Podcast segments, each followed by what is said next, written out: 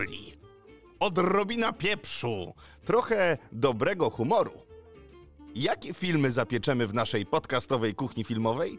Konrad Korkosiński, I Piotr Maszorek. a to jest ten podcast filmowy. Niezły wstęp. Mazeltow. Mazel. Na początek rozwiejmy wątpliwości, ponieważ wiem, że na naszej radzie programowej, jak udostępniliśmy nam nasz grafik, nasz rozkład jazdy na najbliższe miesiące, ludzie się bardzo podekscytowali. Kuchnia filmowa, co to będzie? Co to będzie? To może będzie jakiś making of, coś takiego. Nic bardziej mylnego. To słuchajcie, jest koncept, który pojawił się w głowie Piotra Maszorka któregoś dnia. Mówi, o zrobimy taki odcinek o kuchni filmowej, na który wpadł tak naprawdę nasz kolega z y, podcastu Ryneczki kontra Markety. Łukasz po przesłuchaniu odcinka o The Last of Us, który rozpoczęliśmy od y, kilkuminutowej rozmowy na temat grzybów i tego, czy lubimy grzyby, czy nie lubimy grzyby i wszyscy dowiedzieliśmy się, że pieczarki to są grzyby.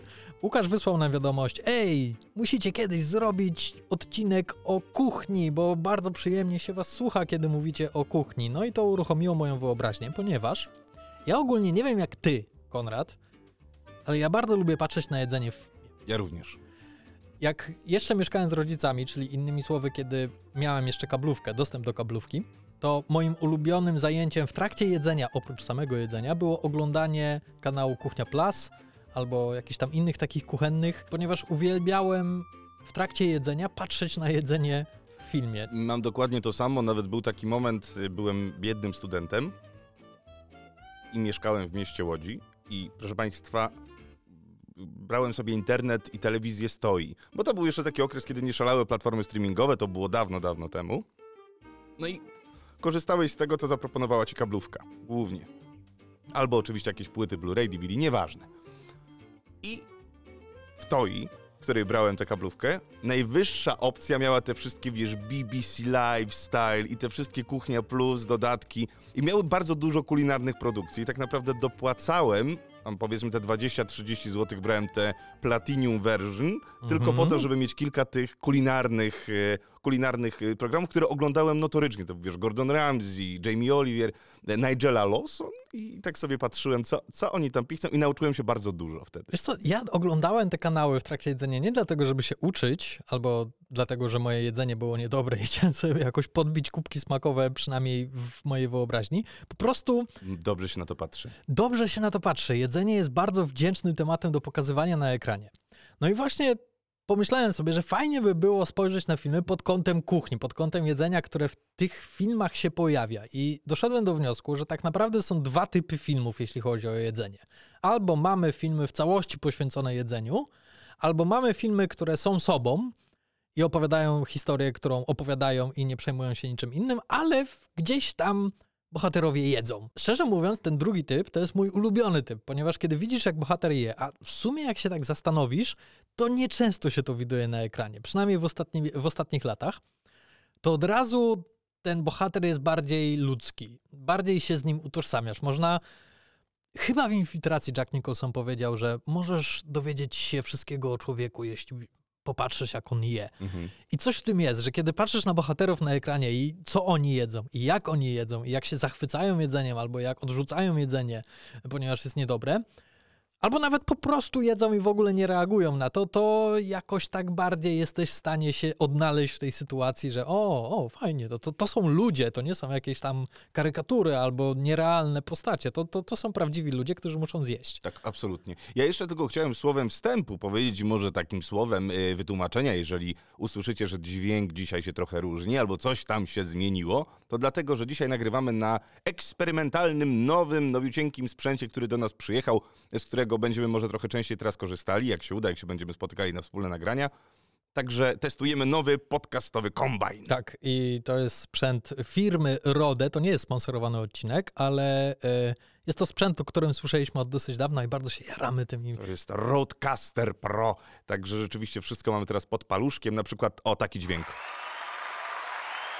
Właśnie miałem was uprzedzać, że Konrad może trochę przesadzać z tymi dźwiękami w tym odcinku, ponieważ siedzi zaraz obok nich i ma do nich dostęp. Ja mam trochę dalej. Dlatego strzeżcie się. Strzeżcie się. Ej, Pomyliłeś się.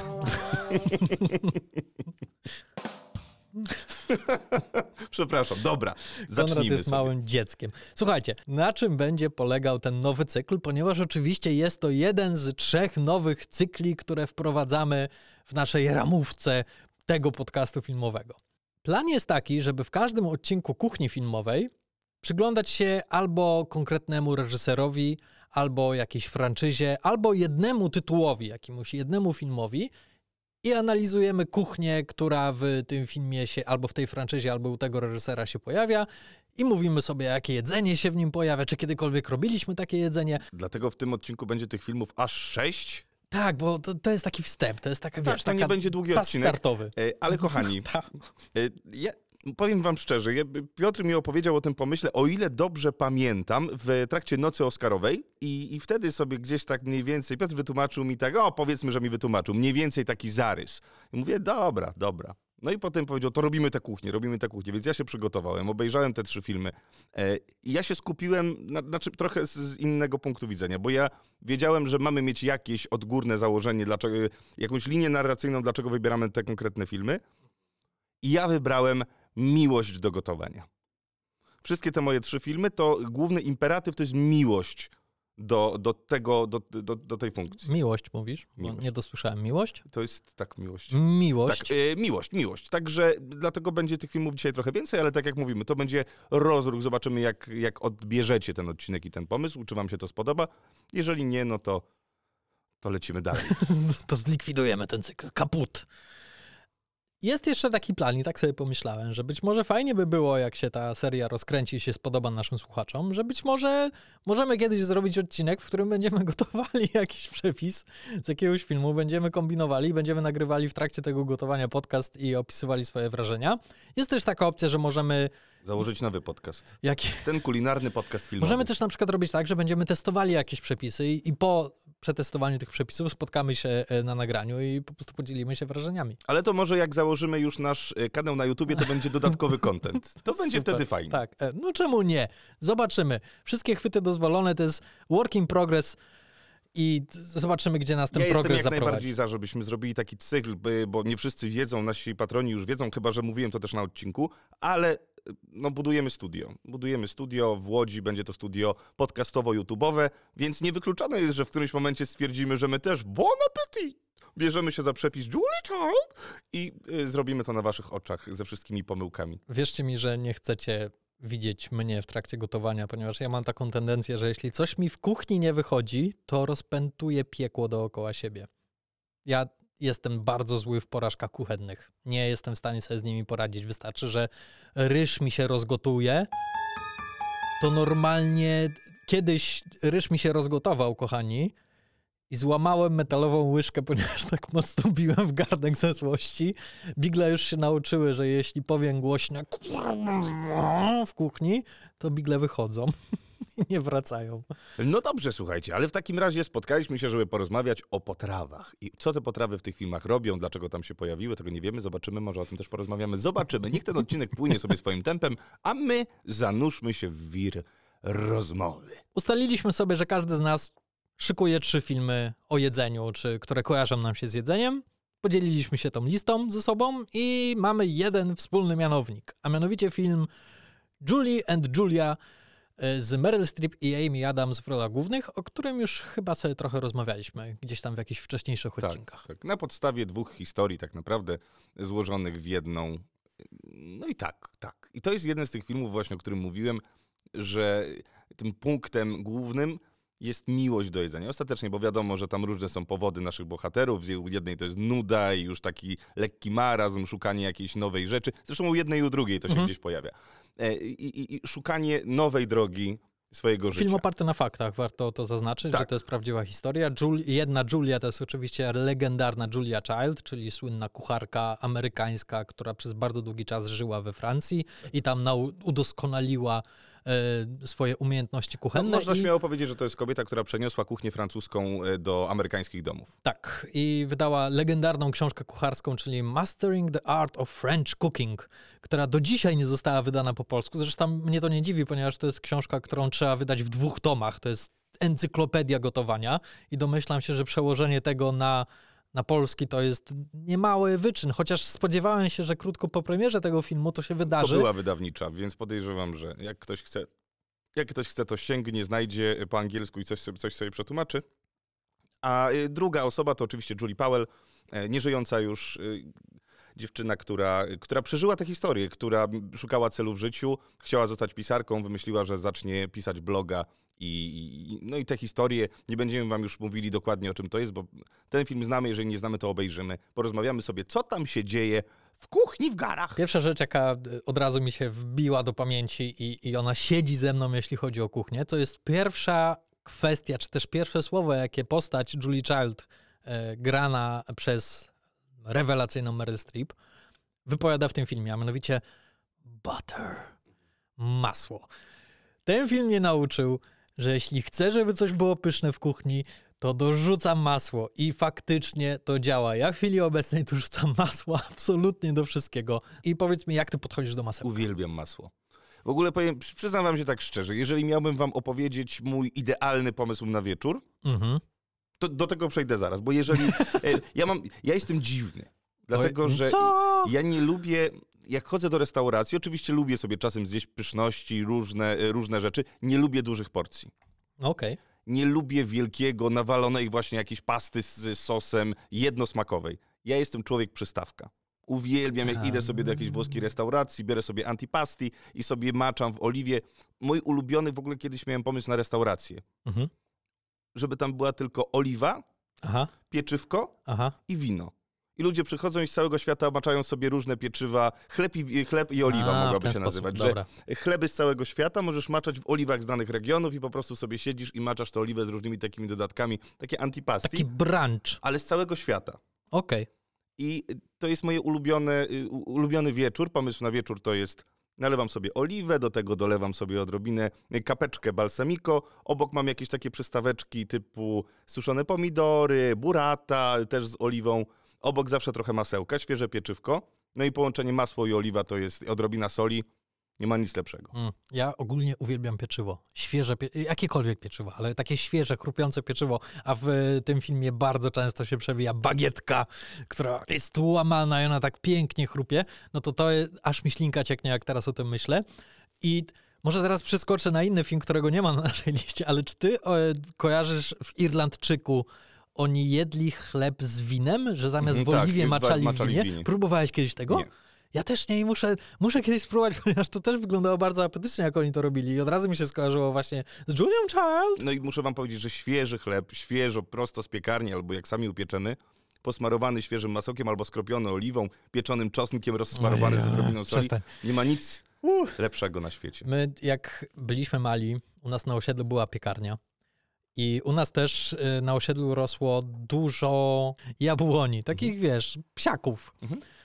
I my dogadaliśmy się z tymi piekarzami, że my zbieraliśmy te y, psiaki z takimi wielkimi reklamówkami przepełnionymi właśnie takimi jabłkami. Przychodziliśmy do piekarzy, dawaliśmy im je, a oni nam dawali dwa ciepłe, prosto z pieca bochenki chleba i biegliśmy do domu i po prostu dawaliśmy mamie ten bochenek i ona od razu kroiła i masłem, albo jeszcze lepiej smalczykiem, jeszcze z ogóreczkiem i to i nam dawała, jeju, jakie ciepły chleb jest absolutnie rewelacyjny, chociaż nigdy nie udało mi się zrobić dobrego chleba w domu i trochę tego żałuję. Ale to dlatego, że nigdy nie miałem dobrego piekarnika. Ale właśnie, ale jest y, przepis, polecam, Aha. który możesz spróbować na chleb z naczynia żeliwnego. Masz garnek żeliwny i, i chleb z pieca wychodzi fantastyczny, chrupiący. Ja ci gwarantuję, że mój piecyk to spierdzieli. Naprawdę, ja już próbowałem wszystkich metod w moim piecyku. W serialu o Julie Child, który jest na HBO Max, o tytule Julia. Tam jest też scena, w której oni próbują wypiec idealny chleb i testują i tam jest, że wrzucają cegły do tego piekarnika, żeby trzymały temperaturę. Otwierają na szybko piekarnik i wlewają tam na szybko wodę, żeby się para wytworzyła. To mniej więcej jestem ja przy próbach wypieku chleba i niestety mój piekarnik jest poza jakąkolwiek pomocą. Dobra, ale wracając, tak, y, wracając do Julie and Julia. Julia and Julie. Jeżeli chodzi o ten film, to jest to trudny film do rozmów o jedzeniu. W sensie tam mamy jakość restauracyjną, i mamy bardzo trudną kuchnię. Chyba jedną z najtrudniejszych kuchni na świecie, najbardziej skomplikowaną, czyli kuchnię Mhm. francuską. Mhm. Kuchnia francuska ma to do siebie, że ona jest bardzo metodyczna, ona jest bardzo schematyczna i skomplikowana. To Mhm. nie jest y, Tajlandia, że wrzucamy wszystko na stir fry i robimy w, z, z pięciu, sześciu składników w, w trzy minuty całość potrawy i rzucamy na stół i to jest pyszne. Tam to są godziny, to jest czas, to jest technika przede wszystkim. Zresztą film też opowiada o Julie Child, która musi najpierw skończyć szkołę Cordon Bleu, żeby w ogóle móc y, zacząć swoją przygodę z gotowaniem. To też jest sposób, aby wykreować te bohaterki, tak? Że one są zdeterminowane, metodyczne, one sobie postanawiają coś i to jest bardzo trudne, tak jak mówisz, kuchnia francuska jest cholernie metodyczna i cholernie trudna. I ich determinacja do tego, aby osiągnąć perfekcję w tym, czy chociażby tym, żeby przejść przez te wszystkie przepisy Julie Child e, w swojej kuchni i wszystkie wyzwania, jakie się z tym wiążą i mimo wszystko wyjść zwycięsko z tego pojedynku, no to to jest coś, co jakby kreuje te bohaterki że je po pierwsze utożsamiasz się z nimi, że, że o tak, tysiąc razy byłem w takiej sytuacji, gdzie coś nie wychodziło w kuchni i po prostu ła, Mhm. łamałem łyżki na, na garnkach i tak dalej, ale się nie poddawałem i działałem dalej. Czyli to jest bardzo fajny myk, żeby, żeby jakoś połączyć cię właśnie z tą bohaterką. Ale jest na przykład w tym filmie e, scena z robieniem jajka w koszulce. Tak. I to jest coś, co ja, mnie bardzo zainspirowało po obejrzeniu i później dosłownie tak jak Amy Adams, ja próbowałem wiele razy zrobić dobre jajko w koszulce, ale znacznie trudniejsze, jak się okazało, ponieważ wiadomo, jak robisz jajko w koszulce, musisz zrobić egg benedict, czyli tą Tak. Sos Tam- holenderski. sos holenderski. I powiem ci, że To jest, to jest trudny przepis. to jest cholernie trudny sos. Tak. I nie chcecie nie zważył, wiedzieć, ojej, nie chcecie prawda. wiedzieć, co się działo w mojej kuchni, kiedy mi się zważyło raz za razem, a to jest moment. Znaczy, ja muszę wam przyznać, że wtedy ten okres, o którym już wspominałem dzisiaj, czyli ten okres studiów, no, jak zapytacie moich znajomych z roku, wtedy miałem taki szał na gotowanie. Kupiłem sobie fajne naczynia, e, fajne e, garnki, jakieś różne patelnie, noże szefa kuchni i wszystko. I gotowałem przeróżne rzeczy. Kaczki, nie kaczki. Właśnie Pamiętam kaczki, że ty bardzo rządziłeś w kaczkach. Tak, to było takie, kaczki. że byłeś rosół, jedynym, to jedyną byłem- osobą, którą znałem, która robiła kaczkę. tak. I robiłem ją często. Tak. I słuchajcie, gotowałem wtedy dużo. Lubiłem to, już to mi gdzieś minęło. Teraz jestem bardziej, nie chcę mówić mistrzem, ale ja się tak lubię nazywać w moim domu. Jestem mistrzem grilla, bo kupiłem sobie e, fajnego grilla gazowego. Niektórzy powiedzą, tylko węgiel, tylko węgiel. Tak, ale mam dosyć blisko sąsiadów, więc nie chcę im smrodzić węglem. Mhm. Robię to z szacunku do sąsiadów. Mam gazówkę. Mhm. Smakuje mi na nie, jak chcę sobie coś e, dorzucić tego smaku węglowego, to sobie e, są takie specjalne zrębki wędzarnicze, które dorzucam do grilla w takiej, Tak, tak. w takiej wędzarce i to mi dodaje ten taki dymny posmaczek. I teraz bardziej przechodzę w te smaki takie. Nie chcę użyć, użyć złego słowa, ale, ale takie dojrzalsze. Mam wrażenie, że ja się czuję dojrzali stojąc przy tym grillu, mając dziecko, żonę, wiecie, stoję tam z piwkiem w dłoni i przewracam te, ściskam te smash burgery. Ostatnio zrobiłem skrzydełka z grilla, mimo że ja nie jestem jakimś wielkim fanem kurczaka, to wrzuciłem, zrobiłem takie naprawdę fajne, miodowo-pikantne skrzydełka z grilla z chrupiącą skórką. Były przepyszne. Jak nie lubię, tak mi smakowały. Więc yy, w tę stronę poszedłem. Kiedyś byłem w tej takiej kuchni bardziej... Julie Childowej. Tak, taki bardziej skomplikowany, jeszcze Mhm. trzeba poczekać i to musi być lekko, y, jeszcze ładnie Trzeba podane. i wiedzieć, co, w wszystko. jakiej, tak, per- jak obrabiać i tak dalej. E, No dobrze, żeby zakończyć temat Julie and Julia, to muszę spytać, czy zrobiłeś chyba najsłynniejszą potrawę z tego filmu, czyli beef bourguignon, czyli wołowinę po burgundzku. Robiłeś kiedyś? Nie, robiłem wielokrotnie y, gulasze przeróżne, Mhm. sarny z dzika przeróżne, ale nigdy nie zrobiłem takiego typowego buff bourguignon, dlatego że nie jestem fanem takiego rodzaju wołowiny w, takiej, w takim gulaszu. Naprawdę? Akurat w, w tak, tak ciężkiego, jakim jest beef bourguignon. Oj nie, mnie, ja zrobiłem. Wydaje się być proste, ponieważ wrzucasz wszystko, tą wołowinę, te marchewki, tą szalotkę, zalewasz winem i wsadzasz do piekarnika na 3 godziny w dosyć niskiej temperaturze i to tam trzymasz i to dochodzi do siebie, no i dzieje się magia. I nawet mój piekarnik sobie z tym poradził, no ale wiadomo, to nie jest jakaś wielka sztuka. I powiem ci, że było to pyszne. Ja uwielbiam takie gulaszowe dania.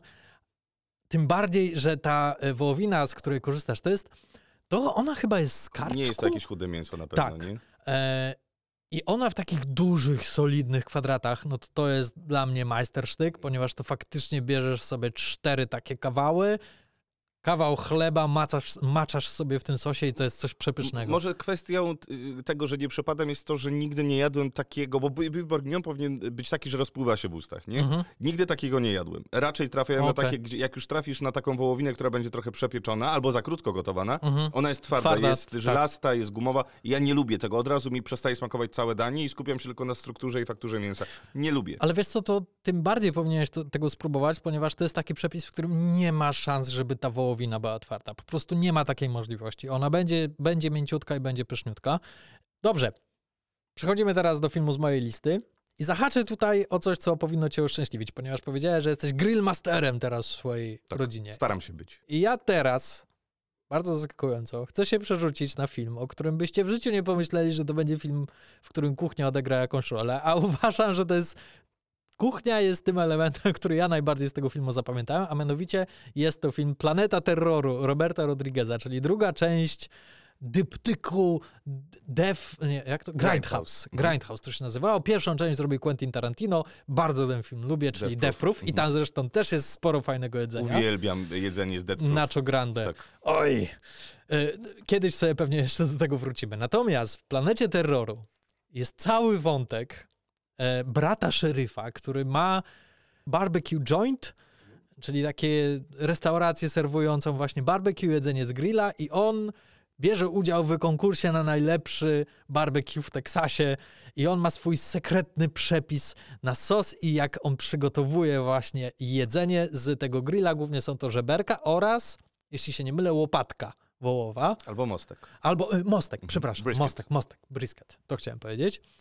No i właśnie jest cała wielka sytuacja, że wszyscy się go pytają, jaki jest twój tajemniczy przepis na sos? Jak ty to robisz? I on nie chce tego zdradzić. Zresztą jest jedna bardzo komiczna scena, w której oczywiście to jest film o zombich i tam w jego właśnie tej restauracji dochodzi do niesamowitej sieczki i trochę krwi miesza się z tym sosem i on próbuje tego o cholera, to jest to, to jest ten magiczny składnik. I przez moment myślisz sobie, że on nie, on będzie dodawał swojej krwi do tego cudownego sosu, a tymczasem nie, on później mówi, że sól, to musi być sól.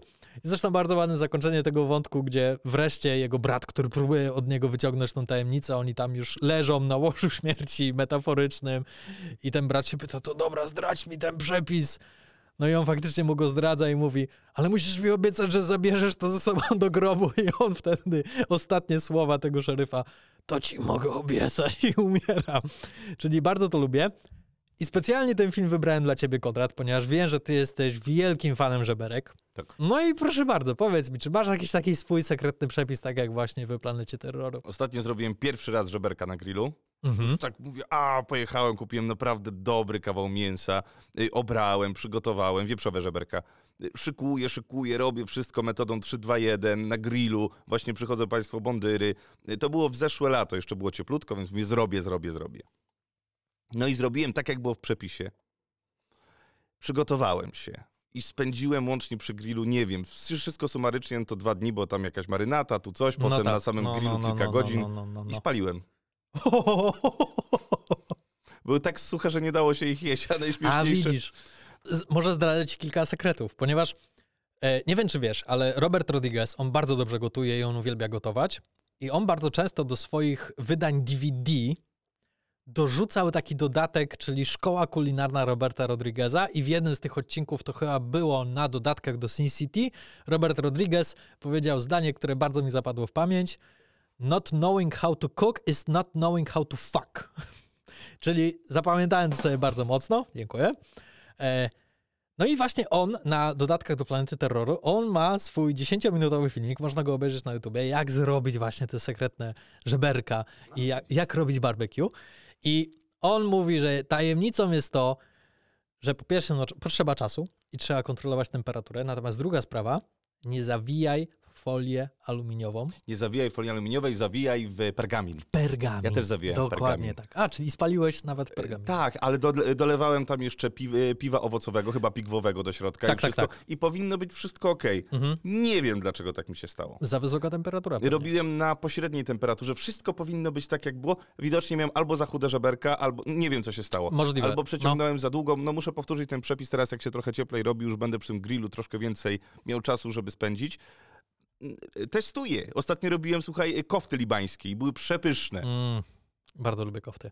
E, Ja muszę się przyznać, że kiedyś e, zrobiłem w swoim koszmarnym piekarniku, zrobiłem mostek. Wziąłem starego łuka, którego rozkręciłem i spreparowałem go na taką mini maszynę do wędzenia. I kupiłem takie wiórki i przez jakieś 6 godzin na minimalnej temperaturze trzymałem ten mostek natarty oczywiście solą i pieprzem, ponieważ tak to się powinno robić, nie powinno się szaleć z przyprawami. Wrzuciłem to do tego łuka na 6 godzin powiem ci, że wyszło tak przepyszne mięsko i byłem tak z siebie dumny. Nigdy więcej tego nie zrobiłem, bo za dużo roboty. No tak. Tylko właśnie y, kwestią jest to, że nie tak łatwo jest znaleźć mostek. To już trzeba pójść do rzeźnika i poprosić o konkretny kawałek, bo w sklepie nie ciężko. y, Dzień dobry, poproszę kawałeczek mos, mostka. No, to Mostka? jest trudne. y, To fakt. najlepiej iść nad Wisłę, proszę pana. Nie To było to dla śmieszne. ciebie, czy dla Tak, tej pani ze mnie, sklepu? Dla mnie. O, nie, super, super. Road podcaster, podcaster, roadcaster. Brawo. Tak, ale y, ja z tego co pamiętam, to właśnie kupiłem u y, rzeźnika na górniaku. Najlepiej znaleźć właśnie takiego na jakiejś starej hali targowej, gdzie faktycznie ci Tak. rzeźnicy jeszcze przyjeżdżają ze swoimi mięchami. Ja mam, słuchajcie, tu wam się pochwalę, jeżeli ktoś jest w okolicy, to serdecznie wam polecam. Ja biorę też rzeczywiście mięso od rzeźnika. Ja mieszkam w okolicach Ra, Wiejskich. Raszyna, Janek i tam właśnie w Raszynie, za sklepem Netto, jest rzeźnik. Rzeźnik halal, co prawda, więc nie dostaniecie tam wieprzowiny. To jest akurat problem, bo z wieprzowi, wie- wieprzowina bardzo fajnie wychodzi na grillu, więc wieprzowinę muszę się już zaopatrywać gdzie indziej, u innego rzeźnika, ale u nich kupuję wołowinę na burgery. I oni mi mielą od ręki wołowinę na burgery i słuchajcie, to jest najpyszniejsze mięso, jakie kiedykolwiek jadłem. Świeżutka, żywo-czerwona wołowina, dopiero co zmielona, idzie do mnie do domu. Ja co prawda już e, robiłem na początku takie zwykłe, grube burgery, a teraz robię smash burgery tylko. One są wybitne. Zmiażdżam je jak kartkę papieru, takiej grubości. On robi się taki krast chrupiący i to robię na e, flat topie na grillu. Odwracam szybciutko, rzucam e, cebula, taka na mandolinie starta cebula, żeby ona się jeszcze prawie przypaliła tam. Na to dwa plasterki sera, dwa kawałki składam ze sobą do bułeczki z moim tajnym sosikiem, bo tu mam tajny sosik do smarowania bułki. I Zdradzisz potem w tajemnicę? mogę zdradzić.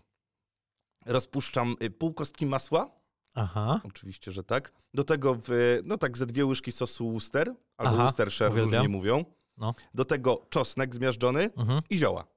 Proste. I to tylko to sobie e, na palniku bocznym na grillu Butter. roztapiam, smaruję tym bułki, A, grilluję i to, ten sos Worcestershire, jego dodaję odrobinę zawsze do mięsa, bo on Robisz tak mi sam podkry- bułki? E, Nie. Polecam ci. Ale kupuję bułki, ale nam się zrobił ten podcast kulinarny, ale kupuję bułki, słuchajcie, są takie specjalne, francuska firma robi. Można kupić w Auchan na przykład. E, One są bez żadnych dodatków, one mają bardzo krótką, krótki termin e, ważności. One są dosyć małe, ale to są bułki brioche, które są przepyszne. I to są moje ulubione bułki, te szuslandy, to wszystko w ogóle mi to nie smakuje. One są bardzo e, sztuczne, a jak albo kupuję, kiedyś bardzo dobre były te bułki bawarskie z, z Lidla, Mhm. teraz niestety zniknęły. Tak, ale ja ci polecam e, pobawić się w brioszki swojej własnej roboty, zwłaszcza, że wiem, że masz mikser planetarny, możesz tam wrzucić ciasto i błyskawicznie wyrobi, a one są niezawodne. Wierz mi, że jak z chlebem mój piekarnik sobie nie radzi, piekarnik jest w ogóle bohaterem tego odcinka, mój piekarnik, z chlebem sobie nie radzi, ale z tymi bułkami sobie ra- poradził perfekcyjnie. Zresztą chyba na kiedyś po- na jakąś posiadówę zrobiłem właśnie brioszki i zrobiłem jakieś tam hamburgery było. u nas, tak. I wyszły, czyli to ty sobie na pewno też poradzisz, a wierz, wierz mi, że to jest dzień do nocy.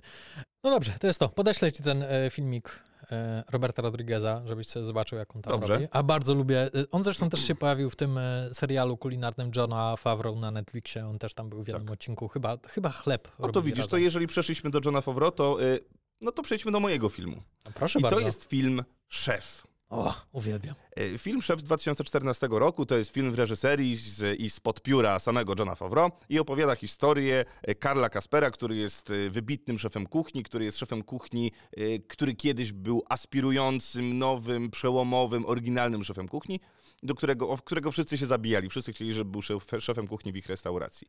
No i ten Karl Kasper już troszkę osiadł, już troszkę wydarła mu się do życia rutyna e, i, i, i gdzieś tak się upospolicił. I mimo, że chciał, chciał, nie chciał, no próbował jakichś zmian, no to właściciel restauracji, e, tutaj akurat w tym filmie grany przez Dustina Hoffmana, mówił mu, że nie wolno, ludzie przychodzą na to, żebyś gotował swoje stare hity, jakbyś poszedł na, e, nie wiem, na metalikę, to byś był wkurzony, jakby grali nowości, chcesz słuchać starych szlagierów. No i ten Karl Kasper się uginie, mówi, że dobra, no to będziemy gotowali po staremu. Przychodzi krytyk kulinarny i mówi, że ale nuda i to w ogóle wszystkie takie wyświechtane. No i przez te, te sytuacje, która miała miejsce, przez te kłótnie z tym recenzentem, to jest ten motor napędowy, który, y, który jest powodem, że on rezygnuje z tej pracy, wyrzucają go z tej pracy i musi wymyślić coś nowego. No i na co wpada, już co, co prawda od początku słyszymy, że powinieneś założyć food truck, to jest takie modne, powinieneś założyć food truck. I rzeczywiście do tego dochodzi, on zakłada food truck z kuchnią kubańską. I robi tam tak naprawdę dwa przepisy, dwa, trzy przepisy są tam na stałe, czyli cubano, sandwich mhm. i frytki z yuki. Co prawda nie widzimy procesu tworzenia frytek z yuki, widzimy wyłącznie proces tworzenia tej kanapki kubańskiej. Mm. E, no i masło, znowu, to o czym mówiłeś. No i to jest moje pytanie do ciebie. Czy dużym nadużyciem z mojej strony byłoby powiedzieć, że kanapki, sandwicze, tutaj oczywiście są w tym też burgery, e, czyli wszystko, co ma chleb, coś w środku i chleb, to są jedne z twoich ulubionych Nie, dań. ja, ja bardzo lubię Chociaż bardzo ubolewam, że u nas w Polsce nie ma takiej kultury, tak jak jest w Stanach Zjednoczonych, takiej właśnie kanapkowni, jakichś mhm. takich. Z tego, co się orientuję, to w Stanach są takie miejsca, one się deli nazywają chyba, nie? Tak, tak. tak. E, gdzie po, to jest taka żabka, taki sklep spożywczy, gdzie wchodzisz i możesz mhm. sobie taką kanapkę na miejscu robioną i zresztą są takie legendarne deli. Ludzie faktycznie tam wędrują z całych Stanów Zjednoczonych, żeby zjeść kanapkę w tym konkretnym spożywczaku. Tak, chociażby taka, ta, ta z pastrami, z z y, Kiedy Harry poznał Sally. Właśnie, dokładnie tak. No zresztą pastrami też kolejna wielka moja miłość. Bardzo polecam wy Łodzi pastrami. Zestaw obowiązkowy się nazywa. E, kurczę, sprawdźcie sobie, to jest niesamowite. Ja chyba wsiadę się, przejdę po raz kolejny na to pastrami. A pytanie, bo wiem, że byłeś w Gdańsku na Oktopusie i byłeś, nie pamiętam jak się nazywa to miejsce, wypadło mi z głowy, tam gdzie jest ta, y, taki... Stocz, stocznia. stocznia. Tak, stocznia. I tam jest knajpa kubańska, food truck kubański. I czy miałeś przyjemność i zjadłeś tam kubano? Nie, nie, nie, nie. Ja nie, nie trafiłem chyba do tego konkretnego food trucka. Bo tam, tam jak się przechodzi w lewo, jak jest ta główna, główny kwadrat i jest y, pod daszkiem w lewo się przejdzie, mhm. to jest pierwsza knajpa od razu po, po prawej ręce. Przepyszna. Jak byłem, to właśnie wziąłem sobie frytki, to chyba nie były frytki z Yuki, chociaż może, plus tę kanapkę kubanos i jeszcze wziąłem sobie churrosy od nich. Przepyszne. Polecam, jak będziecie w stoczni, spróbujcie tego kubanos.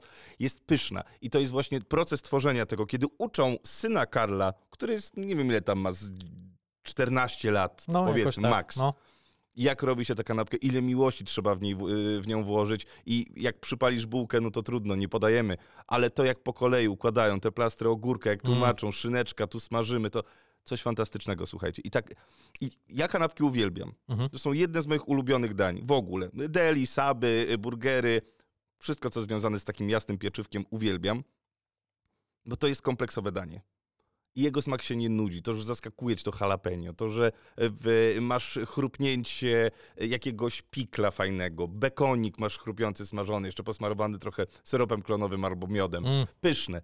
Dodatkowo do, dobra, dobre mięsiwo, albo właśnie nie, albo zrobić dobrą kanapkę. Food truck.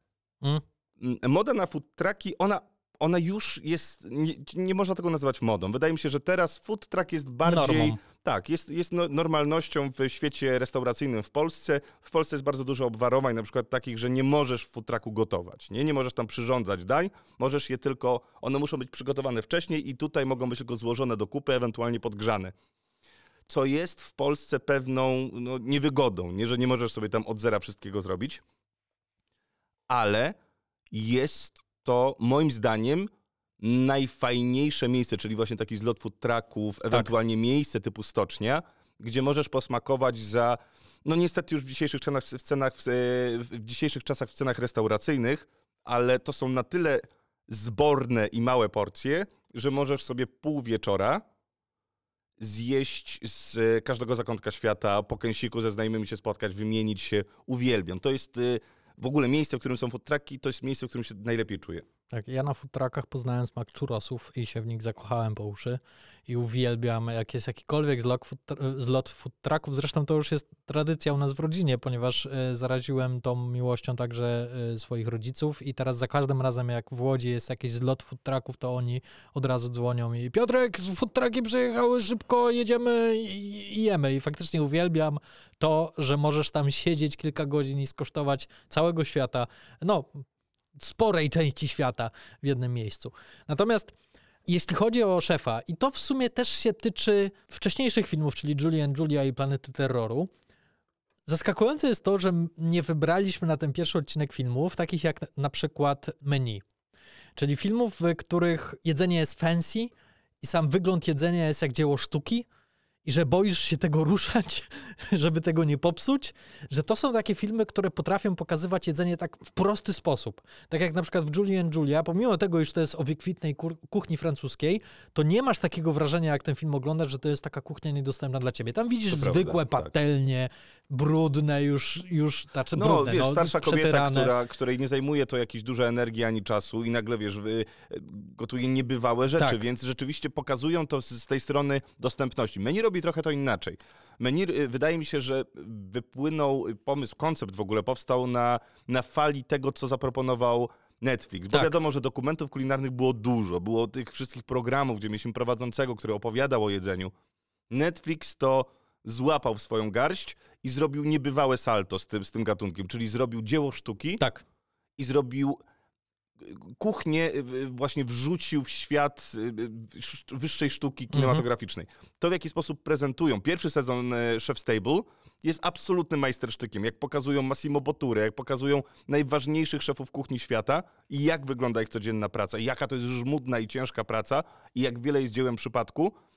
No i to jest właśnie ten klimat. Menu wprowadza w ten klimat właśnie, który prezentuje Chef Stable. Czyli jak jak dużo pracy i jak dużo perfekcji jest potrzeba, żeby rzeczywiście taka, taka restauracja nie była, y, nie wiem, Burger Kingiem z galerii handlowej, tylko żeby była właśnie y, tą moną czy czymś y, fantastycznym. Tak, natomiast w Szefie i właśnie w tych wcześniejszych filmach widzimy taką kuchnię bardziej przyziemną. To jest chociażby temat Szefa, to jest punkt wyjścia, że e, postać grana przez Johna Favreau on ma dosyć tego sterylnego, perfekcyjnego, powtarzalnego świata restauracji i dlatego po prostu wychodzi w plener i, i w tej takiej wręcz w polowych warunkach on tworzy te dzieła kuchni, które są dla zwykłych ludzi i które no, są po prostu przepyszne, jej ślinka cieknie i to bardzo w, w nich lubię. I dlatego moim ulubionym przepisem z filmu Szef który od razu, jak tylko zobaczyłem ten film, to spróbowałem. Grilled cheese. To już jest inna sprawa, to za chwilę możemy o tym porozmawiać, ponieważ grilled cheese to jest sztuka. Zrobić dobry grilled cheese to jest naprawdę duża sztuka i bardzo wszystkim polecam, żebyście spróbowali odkryć świat grillowanej kanapki z serem. Ale pasta aja ojo. Alio olio. Aja ojo. Niektórzy mówią alo, aiolio. Jak byłem to aja ojo. Ale alio olio, no. Aja ojo. A jojo jest jojo. A jojo. tak. A jojo. Tak, jojo. Tak, tak, pasta alio olio. Najprostsza pasta, jaką możesz zrobić, czyli makaron, oliwa i pietruszka. No, I czosnek. Przepięknie ją robią rzeczywiście. Scarlett, Scarlett Johansson która robi... tam leży mm. i, i, czeka na niego. I się rozpływa. To jest jak scena seksu, tylko że zamiast seksu, stosunku seksualnego masz pyszne danie kuchenne. I to jest tak cudowne. I ja uwielbiam to danie. Ja je robię bardzo często, kiedy po prostu nie mam czasu, nie mam siły, nie mam zawartości lodówki, które pozwoliłoby mi poszaleć, a to jest tak proste. Też się bardzo często I tak robiłem. cudowne. Po tym przepisie dowiedziałem się, jak wielka potęga leży w wodzie, w której gotujesz makaron, że nie, nie wylewaj tej wody do zlewu, weź odlej sobie kilka łyżek i dorzucaj do każdego sosu, ponieważ to daje ty takiego kopa smaku. Przede wszystkim daje to naturalnego zagęszczacza jeszcze, więc ja też rzeczywiście z tej wody korzystam i jak robię jakikolwiek e, e bolognese czy, czy cokolwiek, to rzeczywiście zawsze na koniec jeszcze dodaję tego I, kapkę. ale tutaj urozmai urozmaiciłem sobie ten oryginalny przepis i zawsze na sam koniec jeszcze dorzucam odrobineczkę masła masła, żeby tej takiej jedwabistości dorzucić. Nie tyle dużo, żeby zmieniło aż tak bardzo smak tego. Chodzi po prostu o tą fakturę takiego jedwabiu, które masełko daje. Dobra, grilled cheese, proszę bardzo. Ja lubię. Przyznam wam, że bardzo często, mimo że mam toster i, i, wiadomo, że w tosterze robimy przepyszne tosty, bo tak to się na, nazywa po prostu. Zróbmy mhm. sobie tosty i tosty można robić na miliony sposobów, ale tak naprawdę najprostszy tost z różnymi rodzajami sera, mm. startymi jeszcze, tak. to jest coś fantastycznego i jednak na patelni to jest na patelni. I sto razy wolę zrobić na patelni nie zgniecione, zmiażdżone, tylko fajnie nasmarowane z masełkiem i, i, i to jest coś pysznego. Próbowałem już wiele wariacji tej kanapki i e, Moja ulubiona to jest to, że jeszcze smaruję chleb z zewnątrz majonezem.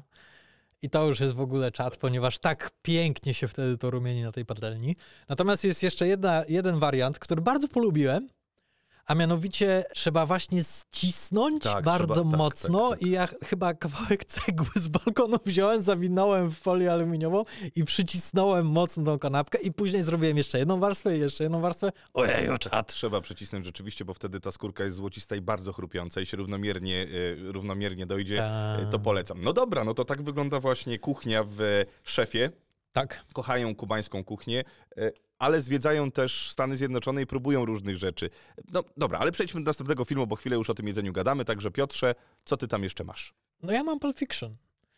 Pulp Fiction. Ja mam Pulp Fiction, czyli film, który jedzeniem stoi według mnie. Ponieważ jak się tak mocno zastanowisz nad filmami Quentina Tarantino, to jesteś w stanie podać jedno danie z każdego jego filmu, które wryło ci się w pamięć. I Pulp Fiction ma bardzo dużo różnego jedzenia w sobie, chociażbyś o tym nie pomyślał. Oczywiście pierwszym oczywistym przykładem jest Big Kahuna Burger, popijany Sprite'em który jest bardzo ładnie wprowadzony, jest ładnie nakręcony i zresztą bardzo dużo mówi o postaci e, e, Julesa, e, czyli postaci granej przez Samuela L. Jacksona i tego, jak on przejmuje władzę w tym pokoju, gdzie oni wchodzą do tego pokoju, wszyscy są przerażeni i Samuel L. Jackson je czyjegoś burgera i później wypija całego Sprite'a temu kolesiowi. To ci najlepiej pokazuje, jaką władzę ma ta postać nad wszystkimi pozostałymi. Oczywiście mamy steka krwistego jak cholera w tej restauracji i znowu hamburgera który, krwistego jak cholera, który zamawia Mia Wallace. I w, z tej sceny nauczyłem się jednej rzeczy. Nie jedz hamburgerów bez milkshake'ów. Milkshake, co prawda nie za 5 dolarów, ale milkshake i hamburger to jest złoto połączenie. Ja już nie jestem w stanie w McDonaldzie kupić sobie zestawu i nie wymienić coli na milkshake'a. Jakiegokolwiek. Ojej, jak kocham milkshake'i i hamburgery, to jest perfekcyjne połączenie. Wiem, że cholernie niezdrowe, ale jest idealnie stworzone. No ja przyznam, że ja lubię to połączenie, które stało się bardzo kinematograficzne i ja je możliwe, że też gdzieś zobaczyłem i skorzystałem z tego, czyli frytki maczane w szejku, e, bo to jest... A nie z majonezem? E, Nie, ale e, jeżeli mam powiedzieć, jaki jest mój ulubiony dodatek do frytek, to jest to majonez. Tak, majonez jest cały pływałem w tym głównie, czyli pierwszy słynny dialog z, Dokładnie tak. z Pulp Fiction. Ale chciałem porozmawiać o dwóch innych scenach mniej oczywistych. I pierwsza to jest dosłownie ten moment. Kojarzycie postać, y, którą gra Eric Stoltz, czyli dealera postaci y, Vincenta Vegi y, granej przez Johna Travoltę. I to jest ten taki rudy w długich włosach, w szlafroku. Vincent Vega o niego się zaopatrza. No i oczywiście, kiedy Mia Wallace przedawkowuje, no to Vincent zawozi do swojego dealera, żeby mu pomógł. I ta scena otwiera się tym, że Eric Stoltz siedzi w fotelu w środku nocy i je płatki śniadaniowe. Jaki facet je płatki śniadaniowe w środku nocy? Ja. Naprawdę? Tak, Jesteś... E, uwielbiam. O. W ogóle w moim domu to jest oczywiście niezdrowa przekąska, bardzo, która zawiera bardzo dużo soli, bardzo dużo cukru, ale ja uwielbiam. I y, zdradzę wam sekret, nie jestem w stanie zjeść płatków śniadaniowych z ciepłym mlekiem. Mhm. Nigdy tego nie robię, bo ciep po ciepłym mleku czuję się niedobrze. Po prostu słabo mi jest po ciepłym mleku. Zawsze jem z lodowato-zimnym mlekiem i mamy w domu y, specjalną sekcję moich płatków Mm. i sekcję dziecięcych płatków, które są, no powiedzmy, zdrowe. Nie są docukrzane, nie ma, to są Okej. dla Klary płateczki, jej Myślałem, ona że sobie... odwrotnie to właśnie jest. Nie, Klara nie jest słodkich płatków. W ogóle ona sobie sama wsypuje, ma jakieś takie specjalne swoje płatki, e, e, a ja mam swoje. I ja też, jak jem płatki, to ja mam chyba z 4 czy 5 pudełeczek, z których Jap. mieszam sobie, ale ja jeszcze jestem fanem e, płatków z zagranicy, czyli mam na przykład płatki Reese's z masłem orzechowym, A. mam Kiloksów bardzo dużo różnych smaków, Lucky Charmsy i różne i robię sobie miks, ale do zrobienia takiego smaku mleka, jaki lubię najbardziej, podstawą, to będzie bardzo dziwne, ale są, jak są te e, Nestle Golden Flakes, które są e, miodowe, Tak. to są jeszcze truskawkowe. I ja je wrzucam i one mi robią delikatny truskawkowy posmak mleka. Zresztą, e, jak obejrzę, jest, jest w odcinku e, Chef Stable, jest knajpa Milk, która jest ze Stanów Zjednoczonych i tam dziewczyna, chyba Milk ona się nazywa, tak mi się wydaje, może teraz przekłamam, ale wydaje mi się, że się nazywa właśnie Milk i ona robi ciasta Mhm. z płatków, po e, z, z mleka po płatkach. Wow. I to jest, to był, ona tym się wybiła i był jakiś absolutnie stworzyła imperium e, piekarskie, bo robi ciasta, ciastka, babeczki, wszystko tylko zamiast zwykłego mleka używa mleka po płatkach śniadaniowych. Więc ono jest już e, docukrzone i ma ten swój taki specyficzny, charakterystyczny smak słodkich, e, słodkich płatków. Uwielbiam. I to jest taka moja przekąska, kiedy mam ochotę na coś słodkiego, nie chce mi się gotować, to wsypuję tych, oczywiście jest dużo więcej płatków niż tego mleka i lubię sobie pochrupać. Mm. Także robię to regularnie i tak lubię bardzo. Ja też ostatnio powróciłem do płatków, ponieważ przez bardzo długi czas, w sumie od czasu dzieciństwa, nie jadłem płatków w ogóle, ale teraz odkryłem je na nowo i już sobie mam swój zestaw ulubiony i kolejność, w jakiej je jem, ponieważ ja sobie robię wielką miskę, znaczy no, no robię sobie miskę płatków i zaczynam od cynamonowych, ponieważ uwielbiam. Wszelkie ciniminis, teraz też wyszły ciniminis churros. Churrosy, pyszne. A, są przepyszne. E, od nich sobie zaczynam, zostaje, y, wyjadam je wszystkie, zostaje mi dużo mleka i wtedy dosypuję sobie jakieś czekoladowe i później jeszcze dorzucam na koniec miodowe na przykład. I to, to już to mleczko na sam koniec to jest moje ulubione mleczko. Czekoladowe płatki, wszelkie czokapiki i te muszelki czekoladowe, jakiekolwiek, mogą być nawet najtańsze z Lidla, uwielbiam, Mhm. kocham. To jest po prostu nie sposób chybić z tymi płatkami. Nieważne jakiej firmy nie kupisz, one będą zawsze pyszne i zawsze zrobią ci robotę i mnie konkretnie od razu cofają do dzieciństwa. Ja bardzo lubię płatki Jaśki. Ja nie znoszę jaśków. Uwielbiam Jaśki, jak ten... Lubię jedne jaśki. Które? Teraz wyszły lajony, brownie i to jest właśnie w formie jaśków. A to tego chyba nie jadłem. E, Ja pole- lubię Jaśki Polecam Jaśki. ci. Są przepyszne, ponieważ tam jest czekolada lajona i one są... A to ja lubię te oryginalne Jaśki, jak mi troszeczkę ta poduszka nasiąknie i w środku jest ten taki śmietankowy smaczek. Nie. Mm, pyszne. Nie, nie znoszę jaśków. Także płatki tak, jak najbardziej. A y, y, ostatnie pytanie a propos płatków. Y, Jak, i, czy jesz w ogóle kukurydziane zwykłe? Nie.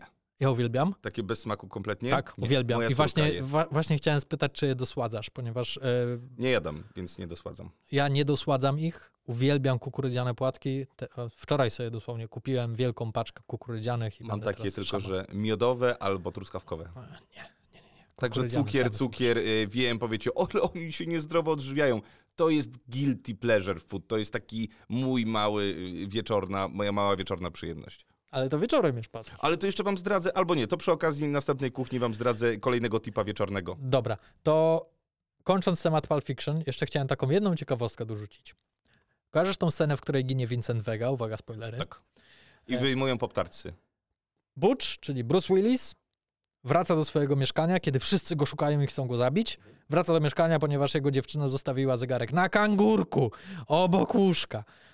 I wraca do tego mieszkania. Myśli, że tam będą się czaili na niego gangsterzy ze spluwami, ale nikogo nie ma. No i on wtedy, uff, jaka ulga. No i już bierze tego, ten zegarek, wchodzi sobie do kuchni, wyciąga z szafki coś, wsadza do tostera, podgrzewa i wtedy widzi spluwę leżącą na blacie kuchennym, podchodzi do tej spluwy, słyszy spuszczaną wodę w kiblu, bierze tą spluwę, obraca się, z łazienki wychodzi Vincent Vega, czyli e, John Travolta, jest chwila pełna napięcia, kiedy się mierzą wzrokiem, Bruce Willis celuje w Johna Travolta, co się wydarzy, co się, co się wydarzy, tosty wyskakują z tostera i to jest znak, Bruce Willis zabija Jonathan. Johna Travolta. Ja przez cały czas myślałem, że on robi tosty. Że on robi zwykłe tosty. Ja w życiu się nie. Ja nie przyjrzałem się i nie wiedziałem, że istnieje coś takiego, jak Poptarts. odkryłem inny świat, jak zacząłem grzebać, co to cholera jest. Otóż co to jest? To są takie słodkości, to są wypieki, które możesz zrobić sobie w to, w, właśnie w tosterze. One są mrożone. Nie są mrożone, to są to suche po prostu, suchy, yy, upieczony wcześniej produkt, który jest zalany jeszcze lukrem, nie zawsze, ale, y, ale to jest po prostu upieczony, pre, yy, prezrobiony produkt. E, I w środku jest jakiś taki dżemowy, dżemowe To nadzienie. zależy, bo tych smaków jest dziesiątki. Tak. Może być dżemowy, nie musi być dżemowy. Bruce Willis akurat jadł e, cynamonowy. Tak, tak. I te, te cynamonowe są. Ja jadłem przeróżne smaki tych, tych poptarców, bo rzeczywiście w którymś momencie miałem fazę na to. E, I te cynamonowe, one są charakterystyczne. One ostatecznie wszystkie smakują dosyć podobnie, bezglutenowe, nie bezglutenowe, ale jest jeszcze lukier. I ten lukier jest bardzo słodki. i Jest różnosmakowy lukier, różnokolorowy. I pod spodem jest ró- różnego rodzaju dżem albo nie.